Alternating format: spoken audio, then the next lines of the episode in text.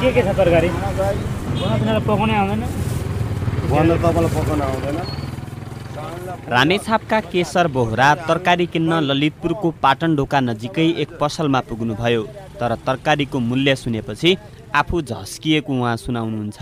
तरकारी अलि चर्को भन्ने अलिक गोल भाँडा छ हजुर। के अनुसार आएन भन्छन् अलिअलि अब महँगो त महँगो नभइदियो भने चाहिँ अलिक सस्तो भयो भने चाहिँ भन्ने लाग्छ नि। सिन्धुपाल्चोकका मिश्रा अधिकारीको परिवारले पनि दैनिक उपभोग्य सामग्री किनेरै खानुपर्छ।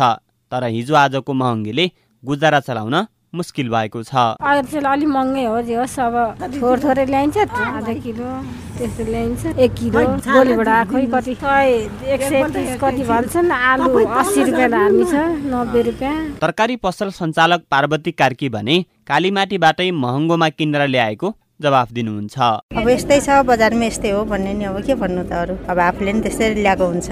आफूले नि अब दस आठ रुपियाँ फाइदा राख्नु परिहाल्यो होइन। गाडी भाडा भन्दा उता बोकाएर ल्याउनु पर्यो भरिया भाडा भन्दा के भन्दा गइहाल्छ अलिअलि त। त्यही हो यस्तै हो बजारमा यस्तो छ भन्ने खाद्यान्नदेखि तरकारीमा पचासदेखि सय प्रतिशत भाउ बढेको एक हप्ता भयो। उपभोक्ता अधिकार कर्मी माधव तिमेल सैना सरकार र बिचौलियाको मिलेमतोका कारण यस्तो अवस्था आएको दावी गर्नुहुन्छ।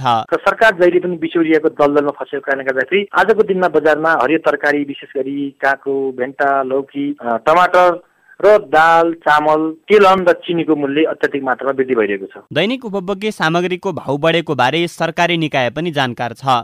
आफूहरूको अनुगमन सुरु भएपछि महँगी घट्दै गएको बताउँदै वाणिज्य आपूर्ति तथा उपभोक्ता संरक्षण विभागका महानिर्देशक योगेन्द्र गौचन। किन यो यसरी भइरहेको छ? अस्ति अस्ति चाहिँ सस्तो भइरहेको अहिले फेरि एकाएक किन बढ्यो भनेर चाहिँ विगत एक हप्तादेखि हामीले चाहिँ इन्फर्मेसनहरू लिने अन्तर्क्रिया गर्ने छलफल गर्ने र यसलाई कसरी समाधान गर्ने कसरी चाहिँ अनुगमनलाई प्रभावकारी पार्ने भन्ने कुरामा चाहिँ हामी चाहिँ गरिरहेका छौँ। तपाईँहरूले यसको चाहिँ परिणाम पनि देखिहाल्नुभयो होला। भारतमा चुनाव हुँदा होस् वा अरू कुनै भइपरि आउने घटनाका कारण हरेक वर्ष नेपालमा महँगी बढ्छ।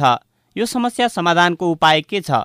कृषि तथा पशुपन्छी मन्त्रालयका सचिव डाक्टर युवक दोजीसी खाने मुख र भुँडी बढ्दै जाने जमिन घट्दै जाने उत्पादकता वृद्धि गर्दा गर्दै पनि तपाईँको नपुग्ने भनेको मतलब त के हो भने कृषि प्राविधिक र कृषि मन्त्रालय एक्लैले मात्रै गर्न सक्ने भन्दा नि त समग्र मुक्तिको कुरा हो यो चाहिँ ऊर्जासँग जोडिएको कुरा हो यो बजेटसँग जोडिएको कुरा हो बाटोसँग पानीसँग अन्य मन्त्रालयसँग पनि जोडिएको कुरा हो। काठमाडौँ उपत्यकामा खपतका लागि कालीमाटी तरकारी बजारमा दैनिक सात सय पचास टनसम्म तरकारी भित्रिने गर्छ।